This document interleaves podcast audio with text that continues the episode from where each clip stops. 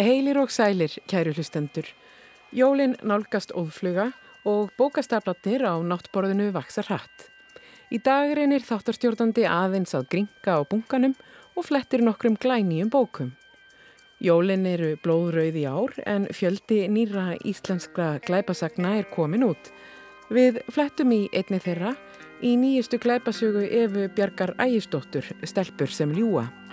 Jórun Sigurðardóttir ræðir svo við Þórarinn Leifsson Rítvund og leðsugumann sem í heilt ár tók mynd af Bekka og Geysisveðin í Haugadal þegar hann kom þangað með ferðamenn og það var oft.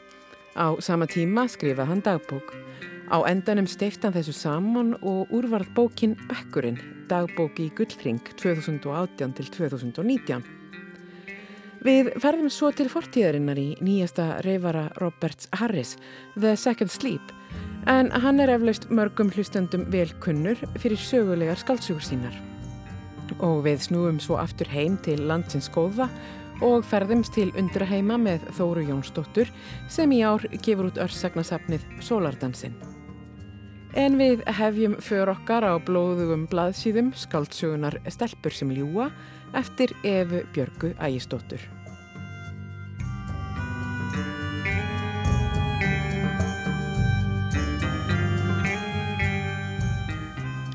Stelpur sem ljúa er önnur bók Efu Bjarkar Ægistóttur en fyrsta bókin hennar, Marriði í stíganum, kom út vorið 2018. Sú bók hlaut glæpasagnaverlunin Svartfuglin sem stopnuð voru af rítöfundunum Irsu Sigurðardóttur og Ragnari Jónasinni og bókaútgáfinni Veröld og eru veitt fyrir handrit að óbyrtri glæpasögu. Verlununum er ætlað að hvetja rítöfunda til að spreita sig á glæpasagnaforminu og auðvelda þeim útgáfu en bókaútgáfinu Veröld gefur út verluna handritið.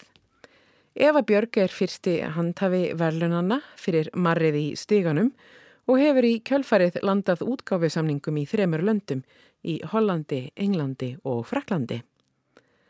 Í marrinu í stíganum segir frá lauruglu konunni Elmu sem er flutt aftur heima á æskuslóður sínar á Akranesi.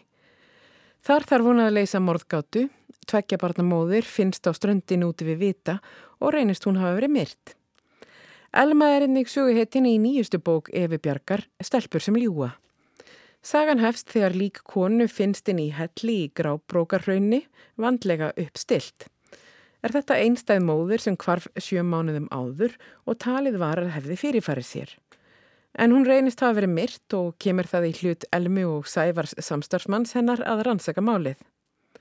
Frásögn skaldsugunar fléttar saman tveimur söguþráðum, annars vegar frásögn af morðaransókninni og hins vegar frásögn af lífi einstæðrar móður sem hatar barnið sitt. Skaldsugan hefst á fæðingardeildinni. Hvít rúmföttin minna mig á pappir. Það skrjávar í þeim við hverja hreyfingu og mig klæjar um allan líkamann. Mér líka ekki hvít rúmfött og mér líkar ekki pappir. Það er eitthvað við áferðina sem vekur mér hroll. Stamt efnið sem límist við viðkvæma húðina. Þess vegna hef ég lítið sem ekkert sofið síðan ég komingað.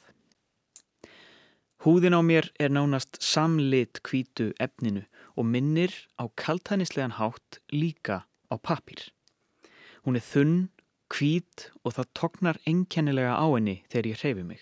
Mér líður eins og hún geti ripnað á hverju stundu.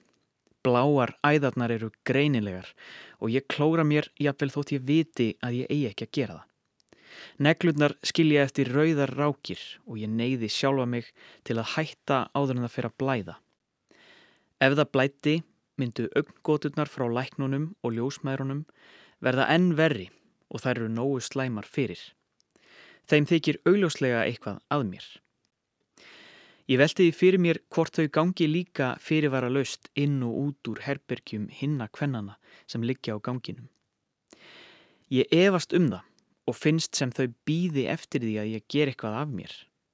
Þau spyrja ágengra spurninga og skoða líkama minn virða fyrir sér örina og úliðunum og líta alvarlegum augum hvert á annað.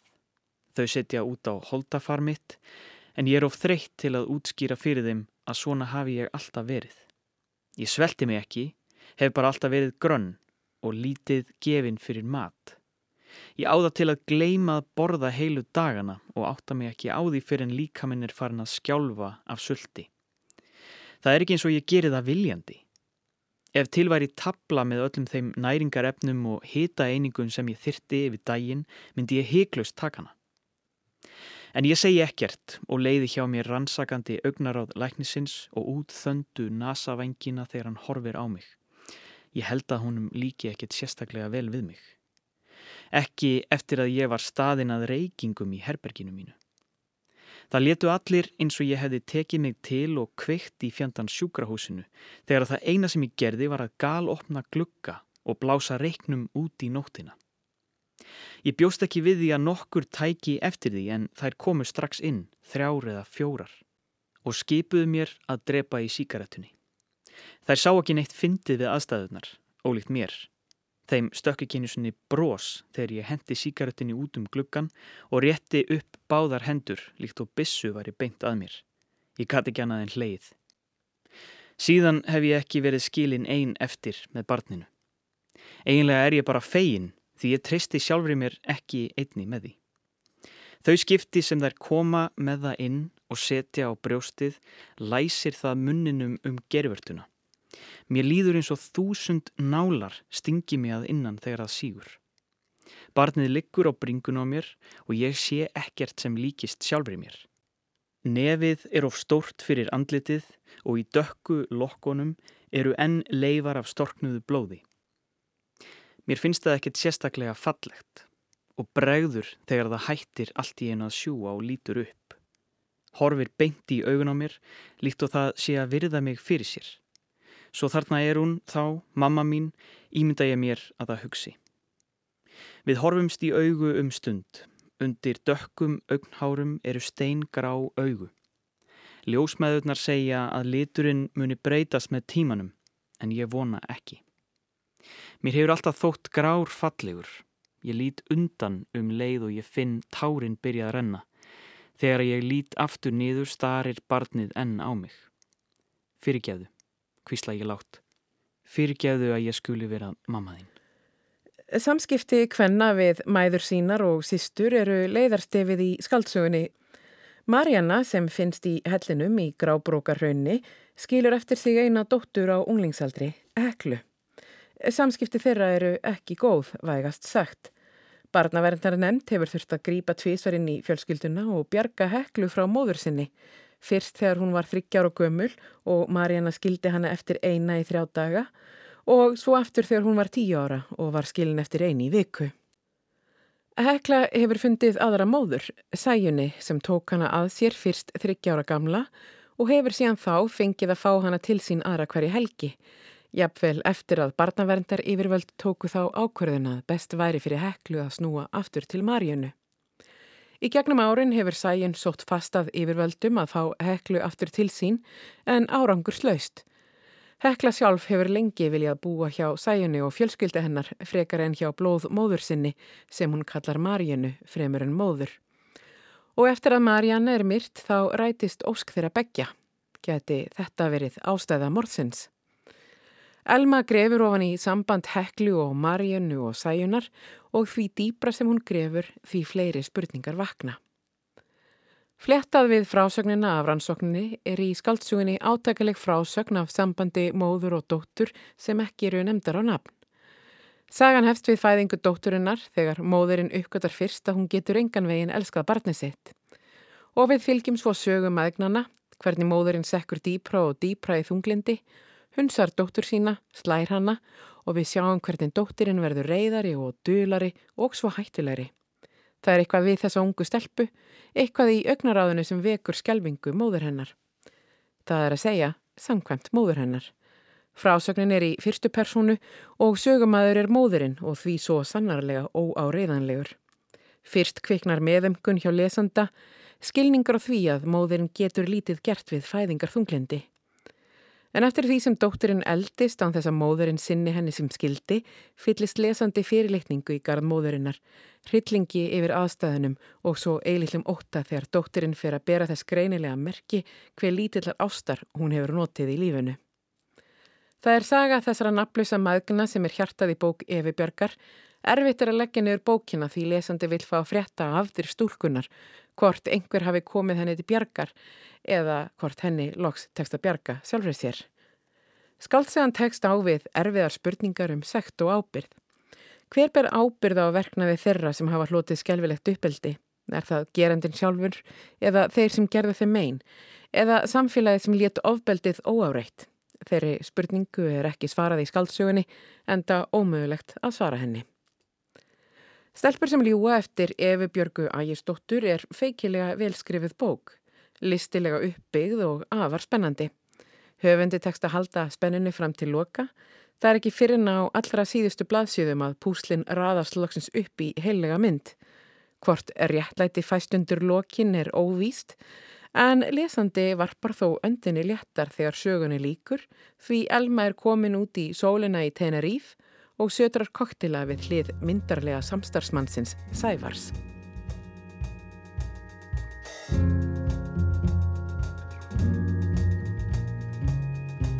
Þórarinn Leifsson er þekktur fyrir hressilegar barnabækur sínar meðal annars bókasafn Ömmu Huldar og mannin sem hataði börn og skálsaga hans Kaldakól sem kom út í fyrra vakti mikla aðtegli, dystopísk skálsaga með vísun til næstu framtíðar á Íslandi eða öllu heldur kannski í Evrópu.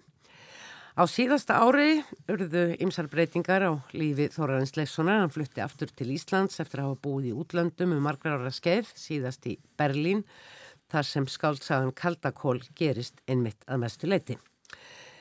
Hér á Íslandi er tæplegi bóði að setja daginn langan að skrifa bækur. Jafnvel þótt maður hafi gefið út að minnst okkurstu fjóra skáltsögur fengir í töfundalögin á stöndum og verið tilnæmdu til veluna.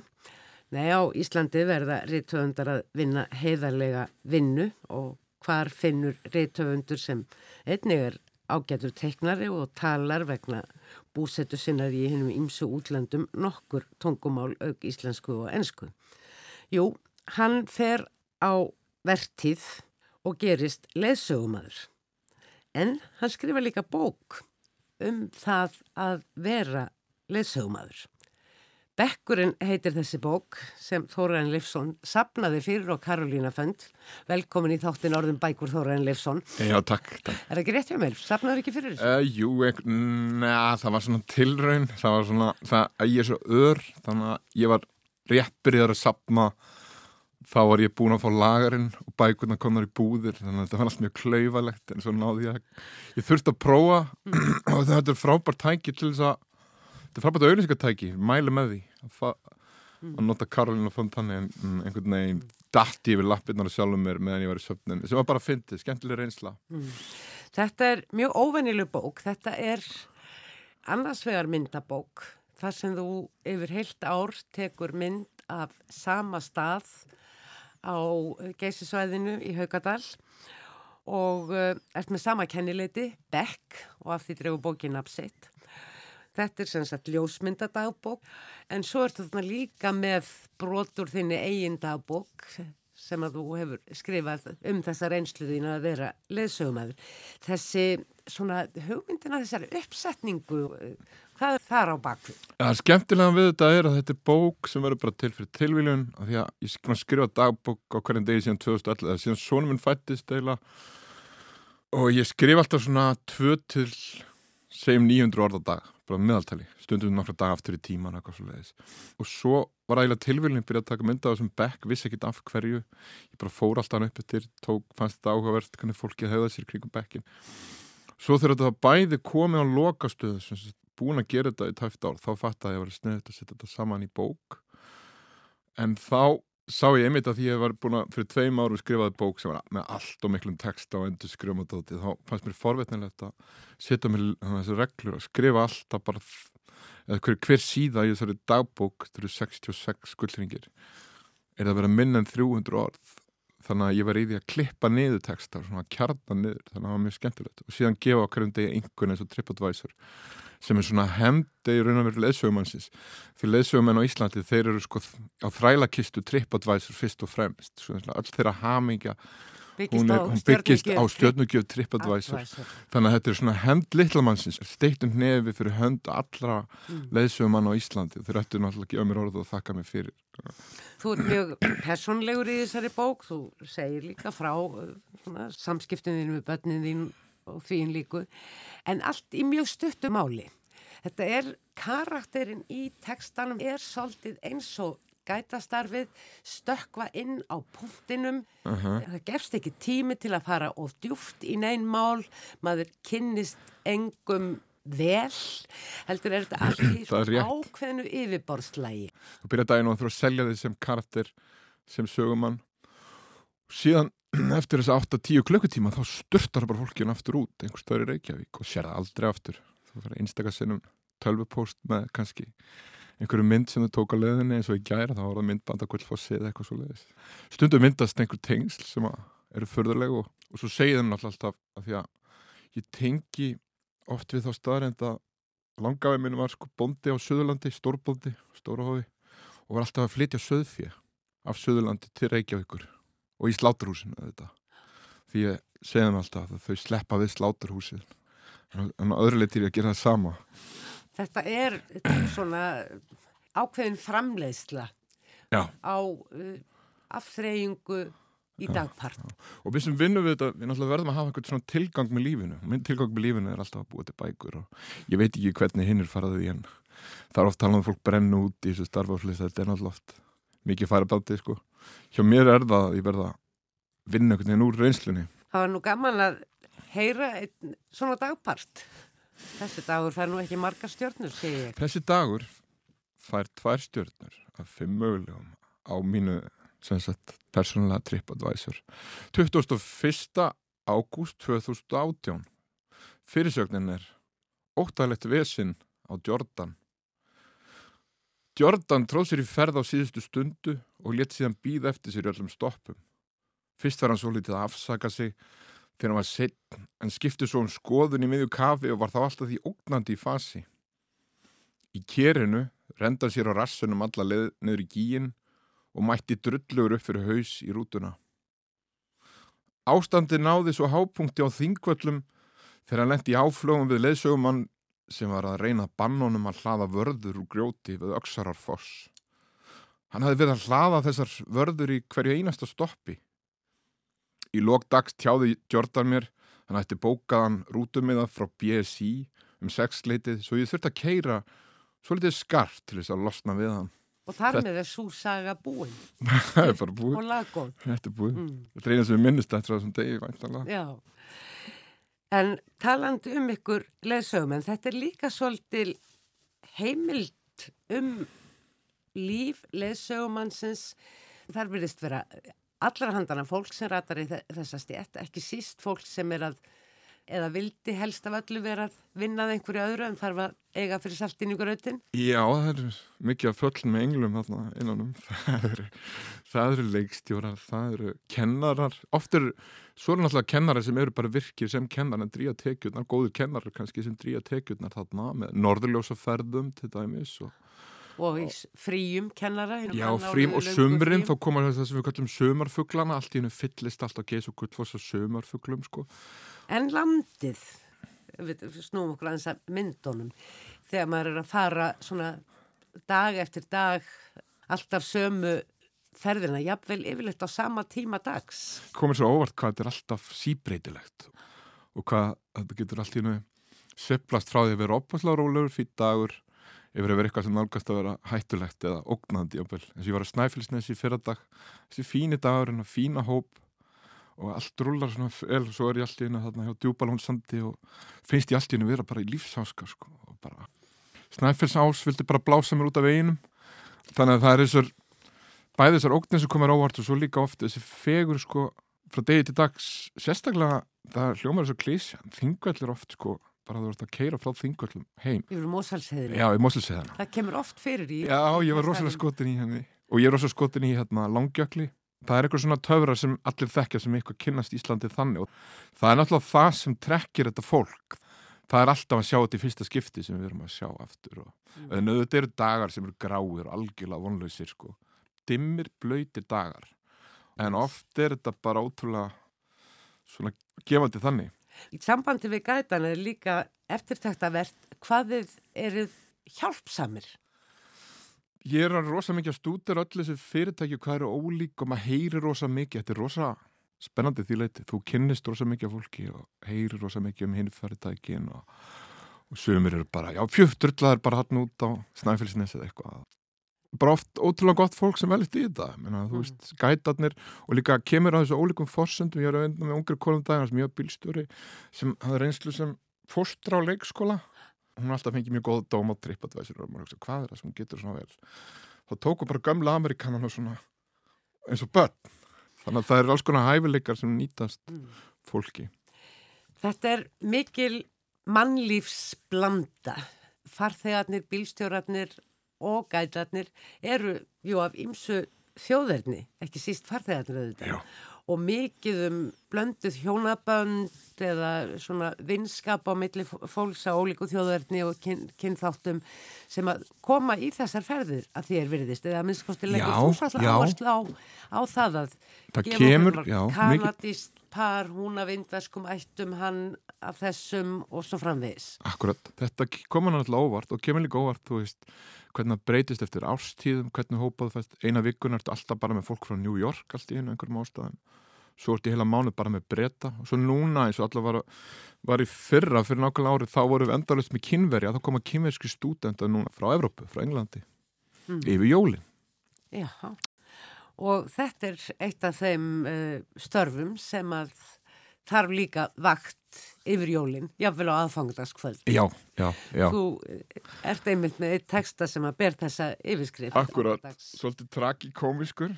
Hann fær nú ekki nema eina stjórn þessi dagur. Þessi dagur fara eina stjörnu hjá TripAdvisor Tóta eina stjörnu að fimm mögulegum þetta er 20. eftir aðfangadagur og titillin er aðfangadagur Ég ligg allsbyr á rúminu á herbergi 447 á Hotel Selfossi klukkan kortir í sex á aðfangadag Það voru mistök hafa ekki með sér spariföld Ég meinar buksur og jakkalaus Leifur Otto er búin að ringja tvisvar frekar hissa á pappa sínum að vera að vinna um jólin.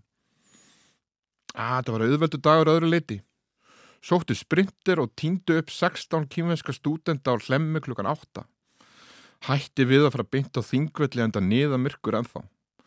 Brunaði þessi stað yfir helliseiði í fínu færi og í kaffipásu í hveragerði. Síðan ógju upp með þingvallavatni og þaðan yfir flekaskílin.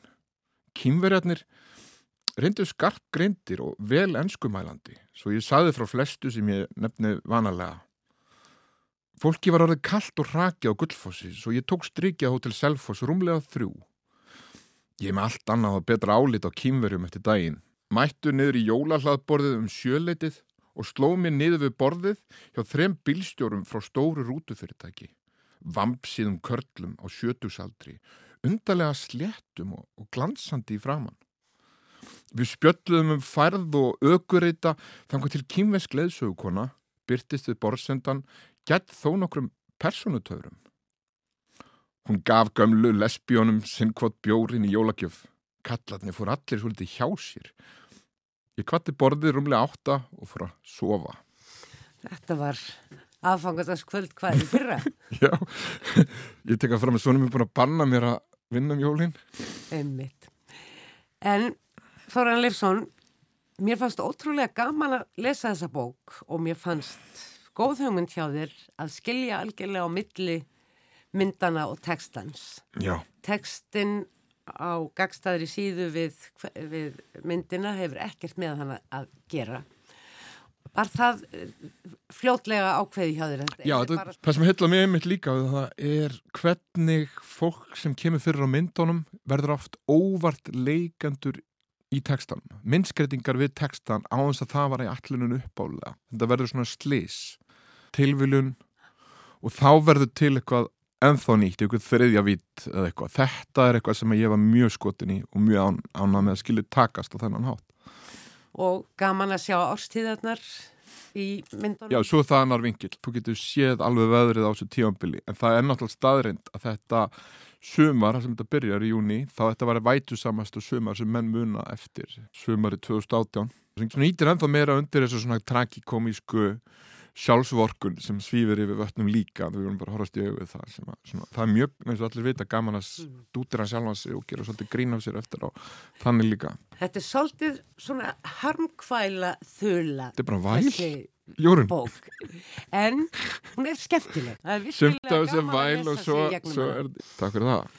Og ég þakka þér fyrir að koma í þáttinn. Já, munið er einhver eintöki Eymundsson í miðbænum. Og hjarta Reykjavíkur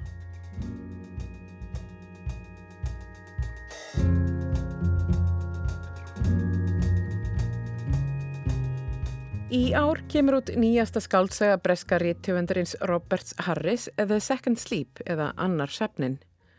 Harris er eflaust mörgum hlustendum kunnur en hann hefur notið mikill að vinselda síðustu þrjá áratugina fyrir skáltsugur sínar, sögulegar spennusögur margar hverjar. Harris hóf ferilinn sem bladamaður, skrifaði bækur um stjórnmál og stríð á nýjunda áratögnum en fyrsta skáltsaga hans kom út árið 1992. Hann hefur skrifað 13 skaldsugur sem oft gerast í fortíðinni, margar hverjar í Rómarveldi hinnu forna eða í setni heimstyrjöldinni. Tvær skaldsugur Harris hafa komið út í íslenskri þýðingu. Svo fyrir var Fatherland, fyrsta skaldsuga Harris sem kom út árið 1992 og naut gífurlegra vinsælda út um allan heim. Föðurland kom út 1993 í íslenskri þýðingu Guðbrands Gíslasonar og árið 1994 kom út kvikmynd byggða sögunni með honum óvið jafnanlega Rodger Hauer í aðallitverki. Föðurland er glæpasaga sem gerist í jankanalegum heimi. Sagan gerist í Berlín árið 1964 í höfuðborg þriðja ríkisins. Sagan gerist sem sagt í heimi þar sem nazistar unnu setni heimstyrjöldina og hafa afmáð öll ummerki um stríðskleipi sem þeir fremdu í stríðinu. Gýðingum hefur verið útrýmt innan landamærarna og engin veit hvað varð af þeim. Sagan hefst þegar eitt þeirra manna sem tóku þátt í Vansi ráðstefnunni, fundinum illræmda árið 1942 þar sem Reinhard Heydrich kynntu hugmyndir sínar um endanlega lausna á gýðingavandamálunu, finnst látin og rannsóknar lauruglum manninum Xavier March er falið að leysa morðgátuna. Við rannsókn málsins þarf March að grafast fyrir um fortíð fórnarlamsins og í kjölfarið afhjúpar hann höfuð syndir ríkistjórnar sinnar, þjóðarmorð á gýðingum, helförina sem yfirvöld hafði falið vandlega fyrir þegnum sínum. Skaldsagan Pompei kom út árið 2003 og í íslenskri þýðingu Elínar Guðmundsdóttur 2010. Sagan segir frá Markusi Attilíusu Prímusi, rómverskum verkfræðingi sem hefur störfi í borginni Pompei, rétt áður en eldfjallið Vesúvíus gís árið 79. Þegar Prímus rannsakar af hverju vassleislunar hans virka ekki sem skildi, verður honum ljóst að möguleiki sé á eldgósi en ómögulegt reynist að bjarga borginni. Eins og flesnum er kunnugt fór Pompei undir ösku árið 79 og var ekki grafin upp fyrir hann á átjöndu eld. Leiðarstefi í skaldsögum Harris er afhjúpuninn, hvernig sögupersonur afhjúpa leindamál sem ráðamenn vilja ekki að líti dagsins ljós. Og skaldsögur hans gerast margar hverjar í fortíðinni, svona eins og til að leifa lesendum að afhjúpa klæpi fortíðarinnar. Nýjasta skaldsaga Harris, The Second Sleep, hefst þriðjöldaginn 9. apríl árið 1468. Hinn ungi prestur Kristoffer Fairfax rýður á hesti sínum í suðvestur Englandi á leið til Þorpsins Atticot St. George þar sem biskupin hefur falið honum að jarðsingja Þorpsprestin Thomas Lacey. Þegar hann kemur á leiðarenda verður honum fljóttljóst að ekki er allt með feldu. Thomas Lacey lést vofeflegum döðdaga, fjall fyrir björg. Þorpsbúar verðast hafa haft illan bifur á Lacey og ráðskonan fer undan í flæmingi þegar Fairfax reynir að spyrja hana um líf prestsins og skoðanir hans. Fairfax fer fljótt að gruna að Lacey hafi verið trúvillingur. Grunnsemdir hans reynast á rökum reistar. Fyrstu nóttina rannsakar Fairfax skrifstofi Laceys og finnur þar heilta ritsapna fundargerðum fortfræðingafélagsins, félagskapar sem yfirvöld hafði bannað fyrir einhverjum áratugum, allir félagsmenn handeknir og rit og fundargerðir brendar á stórum bálköstum í borginni. Fairfax verður ekki um sel þegar hann rekst á þessi bönnuðu rit fortfræðingafélagsins. Ólöglegt er að eiga þessar bækur og óvíst hvaða afleðingar það muni hafa. Hann lítur í kringum sig og rekur augun í skáp í horni skrifstofunar. Þetta var viðarskápur í brjósthæð með glerhurð. Fairfax sá að þetta var formt gler því það var fullkomlega jamt og slétt, tært, ekki gárað eins og gler sem unnið var í nútíma gljábarenslu. Sprunga var í glerinu, efst á hurðinni. Hillurnar voru einnig gerðar úr hinnu fínasta gleri og í kertaljósinu virtust hlutirnir sem þar voru til sínis svífa í lausu lofti. Allt voru þetta hlutir sem ólöglegt var að eiga. Smápeningar og plastpeningasælar frá tímum Elisabetar drottningar, liklar, gullringir, pennar, glös, diskur til að minnast konunglags brúköps, örmjóar dósir úr málmi, knippi af plaströrum, plastbleia með máðum myndum af storkum sem báru börn í goggi sínum. Hvít plastnývapur, plastflöskur af öllum stærðum og gerðum, plastkuppar sem festir voru saman, fagurlega gulir og rauðir, höng af grænblári fiskilínu, smábarn úr plasti, bleikt og augun horfin og efst í hillunni til sínis á gegnsæjum plaststöppli var eitthvað sem virtist vera stolt þessa samts eitt af tækjunum sem fornmenninir notuðu til að eiga samskipti. Fairfax hafði séð brot úr þessum tækjum áður en aldrei neitt í svona frábæru ástandi. Hann laðaðist að tækinu og í þetta sinn, þrátt fyrir að hann vissi betur, gata hann ekki hamið sig og opnaði skápin og tók út tækið. Það var þinra en litli fingur hans, minna en lófin, svart og slett og glansandi, búið til úr plasti og gleri. Það láð þungt í lofa hans, þægilega áþreifanlegt. Hann velti fyrir sér hver hefði átt það og hvernig prestinum hefði áskotnast það. Hvaða myndum hefði þetta tæki eitt sinn miðlað? Hvaða hljóð komu úr því? Hann þrýsti á hnappin á framhlið tækisins rétt eins og það myndi kveikja á sér líkt og fyrir kraftaverk. En glansandi yfirborðið var áfram svart og dött og það eina sem að hann sá var andlit hans endurspeiklað, draugalegt í kertaljósinu. Hann sneri tækinu við. Á baklið þess var táknið sem grundvallaði dramp og guðlast fornmannana. Eppli sem einhver hafði bitið í. Við erum ekki stött í fortíðinni, við erum í framtíðinni. The Second Sleep eftir Robert Harris gerist margar aldir inn í framtíð okkar í heimi sem hefur gengið í gegnum hreinsunareld heimsenda. Á einhverjum tímapunkti leið heimurinn undir lok.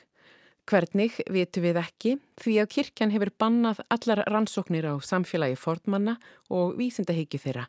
Telja þessa þekkingu stór hættulega því að hún liti til harma gettons. Kirkjan endurstilti tímatál okkar, merti heimsenda árið sem 666 ár djöfulsins og titlaði nýju öldina sem spratt úr rústum hins liðina, öld hins endurreista Krists. Sagan gerist árið 1468 á öld hins endurista Krists 802 árum eftir heimsenda. Fairfax freistast til að lesa fundargerðir fortfræðingafélagsins. Þar sem þeir segja frá erundum sem haldinn hafa verið á fundum, erundum með titlum eins og hvernig spiluðu fortmenn tónlist og hvað glataðist í skíinu og graf skriftir frá síð fyrir heimsenda öld og flóttin mikli frá lundunum. Fortfræðingarnir grafa ofan í jörðina í leita svörum, finna stittur og plast og síma og leifar af gömlum fararskjótum úr málmi, svo eittum að einu ummerkin um þá eru riðblettir í moldinni. Og þeir finna bein. Það er varla hægt að grafa hólu í Englandi án þess að rekast á mannabein. Sumar beinagrindurnar vandlega uppstiltar og grafnar af nattni af ástunum Aðrar í hrúu eins og fólkið hafið nýið niður og fengið að liggja þar sem það dó og reitt þar til náttúran huldi það.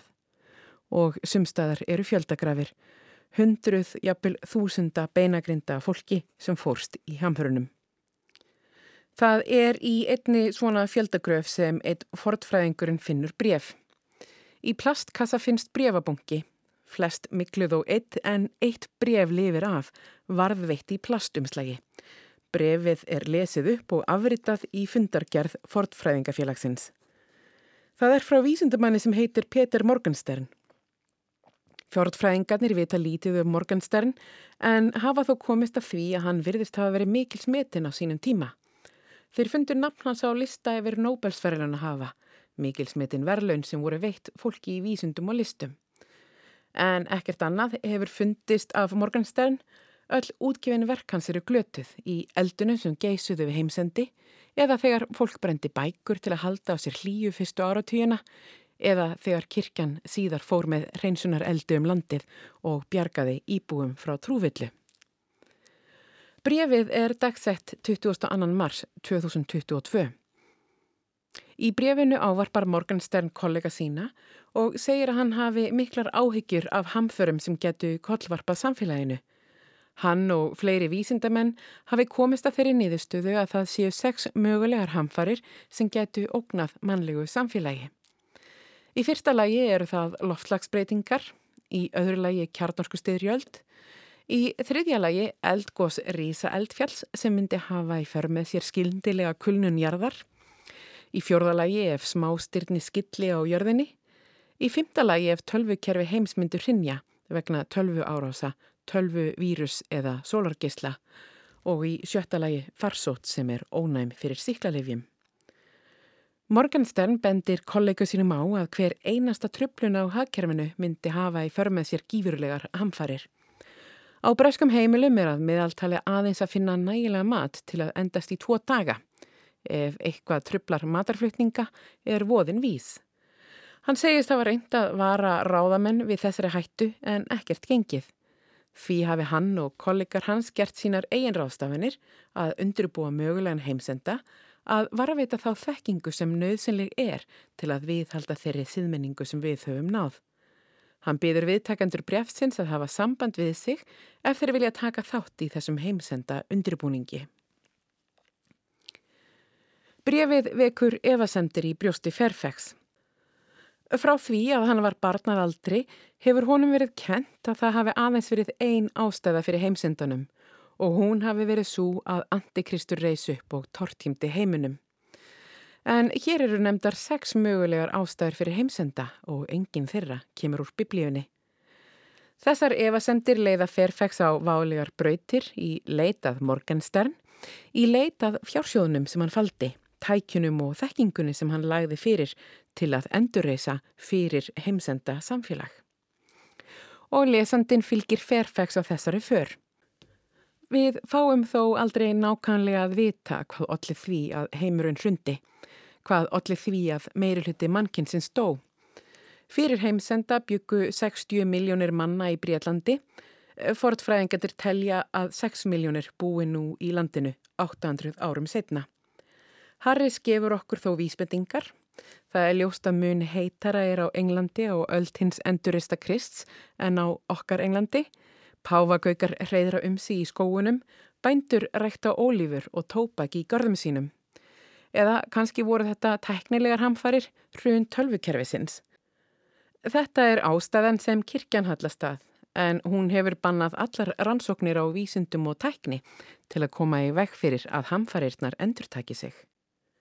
Samfélagið hefur verið algjörlega endurbyggt með það að takmarki að upplýsingaöld renni aldrei aftur upp. Tungumálunu sjálfu hefur verið snúið til betra horfs. Kirkjan lítur svo á að hið eina sanna tungutak sé málið sem rítað er í Biblju Jakobs breytakonungs sem kom út 1604 og tungumálið sem fer fex og samtíma menn hans tala er flúrað og formlegt.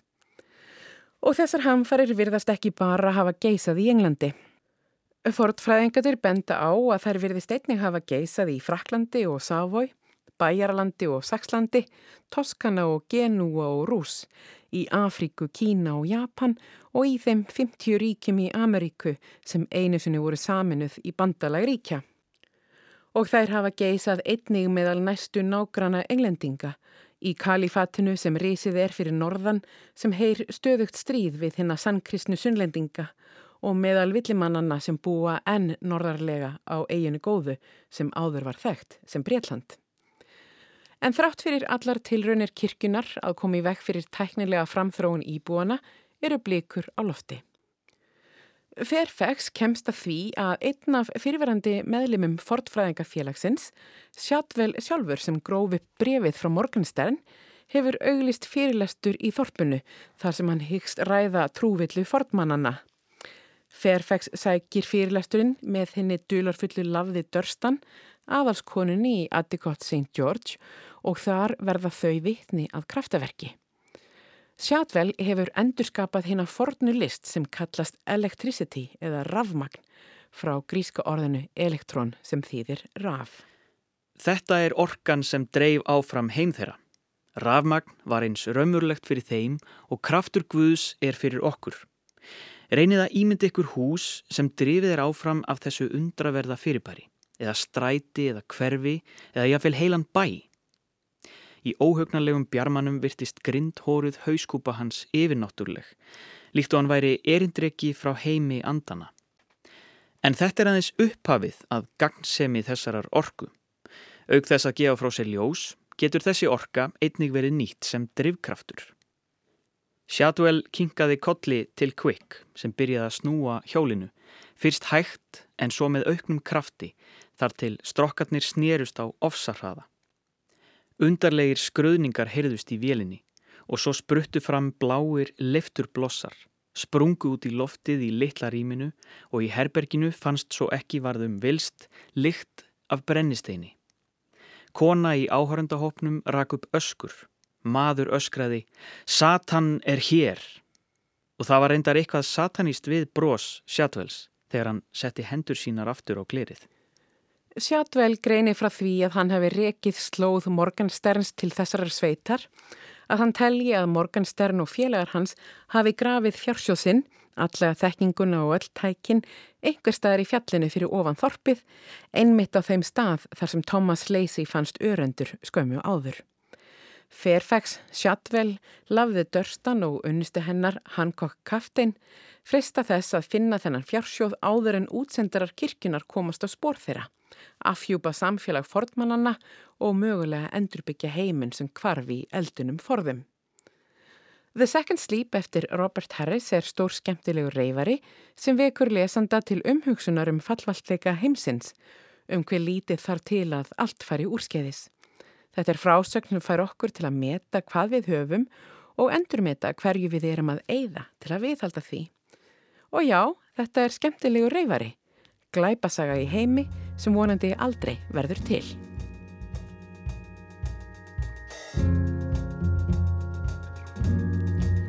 Í ár kemur út Sólardansin eftir Þóru Jónsdóttur, sapn örsagna eða prósaljóða sem draga tjöldin frá klukkanum og veita okkur insýn í nýja heima, tilveru sem er eilítið undursamleg, eilítið hverstagsleg, eilítið hættuleg. Þóra Jónsdóttir fættist árið 1925 á Bessastöðum á Altanesi en ólst upp á Laksamíri í söður Þingejarsíslu. Hún lauk stúdensprófi frá mentaskólanum á Akureyri 1948 og las bókmentir við Hafnarháskóla 1949 til 1952. Hún lauk prófi frá Kennaraskóla Íslands 1968 og fyrsta bókennar, ljóðabókin Leitað tjálstæði, kom út árið 1973. Síðan þá hafa komið út 14 bækur eftir Þóru, 11 ljóðabækur til viðbótar, eitt sapn fyrri ljóðbóka, landið í brjóstunni sem kom út árið 2005 og tvö sapn ljóðrætna örsagna, hverstagsgæfa sem kom út árið 2010 og Sólardansinn. Í pisli sem Þóra skrifaði 2001 og byrtur er á bókmentavef bókmentaborgarinnar segir hún að náttúrann í æskusveit hennar hafi verið henni innblástur í ljóðagerð. Að fegurð náttúrunnar hafi bætt upp þá félagslegu fábreytni sem hún ólst upp við í sveitinni á fjörða áratök síðustu aldar. Takmarkað aðgengi var að bókum í sveitinni en hún las öll ljóð sem hún komst yfir og fannst hún geta lesið margt millir línana. Í pislinum segir hún að eftir að börnin hennar voru vaksin úr grasi hafi henni fundist tíminn lengi að líða og hófa skrifa það sem hún kallaði ljóð en eru kannski smásugur, ellegar æfiminningar og þykist þáttarstjórnandi við það í sólardansunum sé að finna þessi prósaljóð, örssugur æfiminningana. Þóra stundar einning myndlist og fagurt málverk eftir hana prýðir kápu sólardansins, skíabakki, gildur sólargislum á fagur bláum himni og í hjerta hans eldröður strokkur, hættulegur en segðandi á sama tíma. Lokkar lesendur til sín, býður þeim að opna bókina og hefja lestur. Þetta málverk kallast á við prósoljóðin sem er að finna í bókinni, vandlega slípuð augnablík úr fortíðinni og hverstagsleikanum, glansandi gildar minningar sem er ógnaða því sem fyrir utan stendur. Leiðarstefi í ljóðunum í þessu sapni er mörkina millir þess sem er kennilegt og þess sem er ókennilegt, á milli hins innra og hins ytra, á milli hverstagsleikans og yfir náttúrunnar. Mörkin eru stist á milli hins innra og hins ytra að nóttu til. Í ljóðunu komið að læstum dyrum rýfast tvær systur um hvort þær eigi að læsa útidyrunum þegar þær fara að sofa. Í rökkrunu er tekið harkalega í hurðarhúnin en dyrnar opnast ekki. Í ljóðinu hánótt vaknar ljóðmælandi þegar hundurinn vaskur geltir hátt og urrar.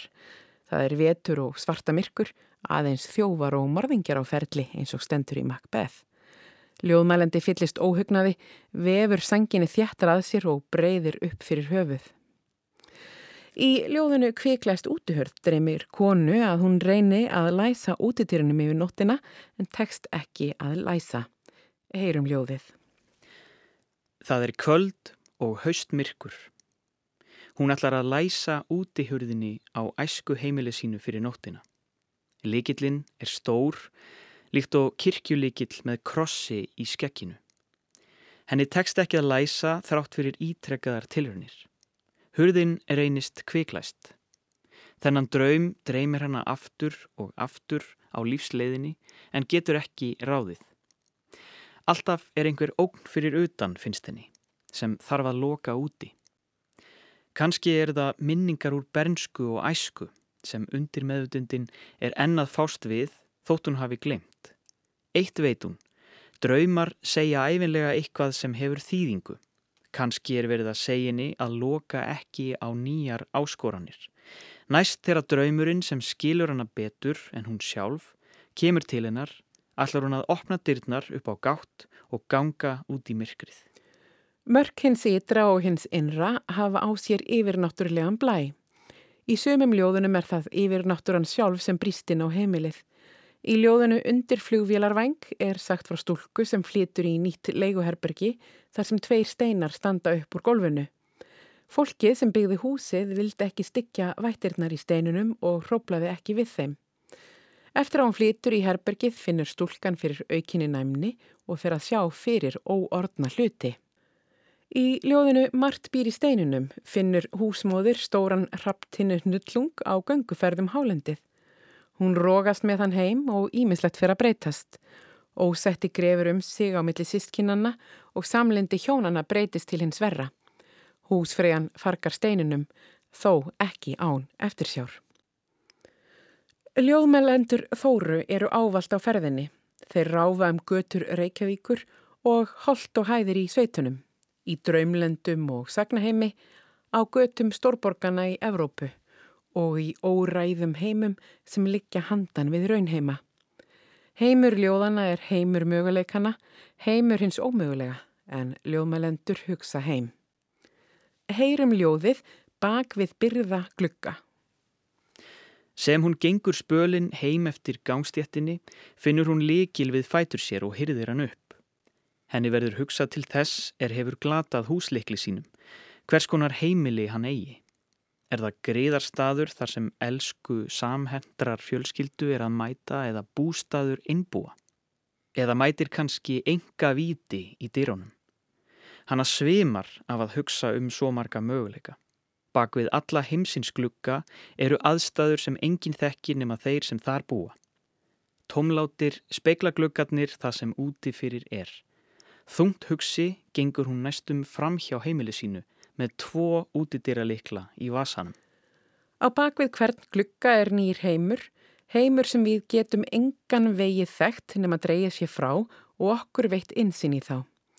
Ljóðin hennar Þóru draga einmitt tjöldin frá glukkunum, gefa lesendum tækifæri til að stíga í örskama stund í fótspor ljóðmeilenda, fylgja þeim eftir í försinnum lífið, Elda ljóðmælendur líkt og ljóðmælendur elda fólki sem þeir mæta á sinni för.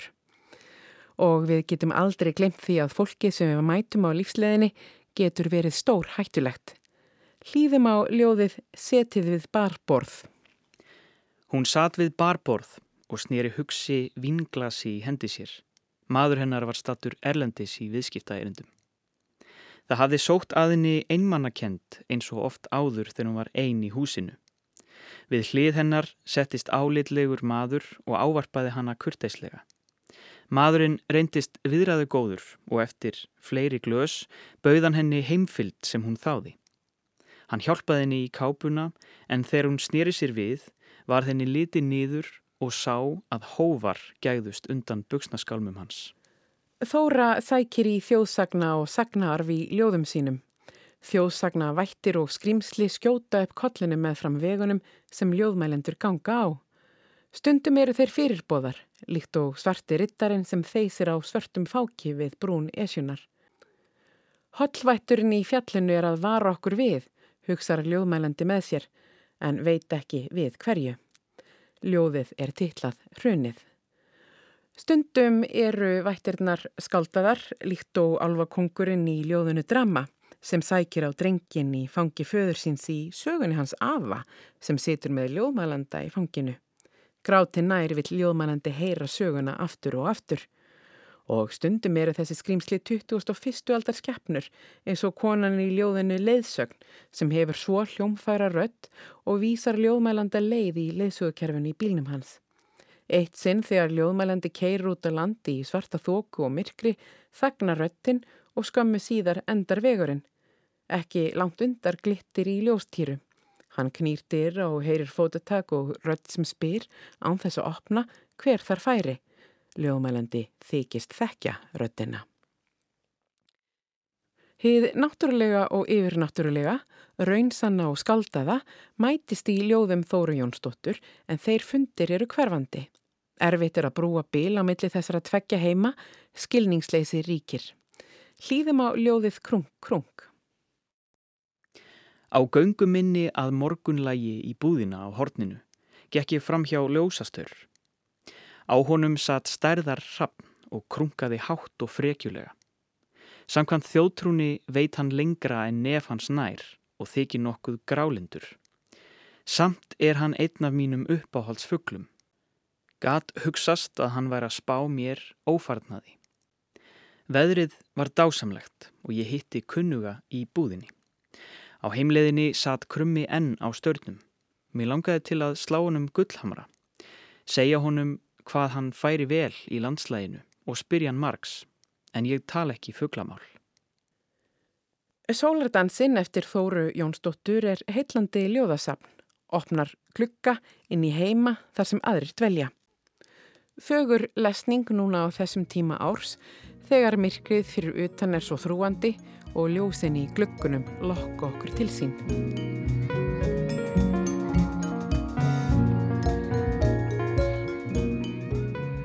Fleiri verða orðum bækur ekki að þessu sinni. Við minnum á vefsíðu þáttarins á rúf.is skástrygg orð um bækur. Þáttarstjórnendur óska landsmunum gleðilegra jóla og farsels komandi árs. Þátturinn verður aftur á dagskrá á nýju ári.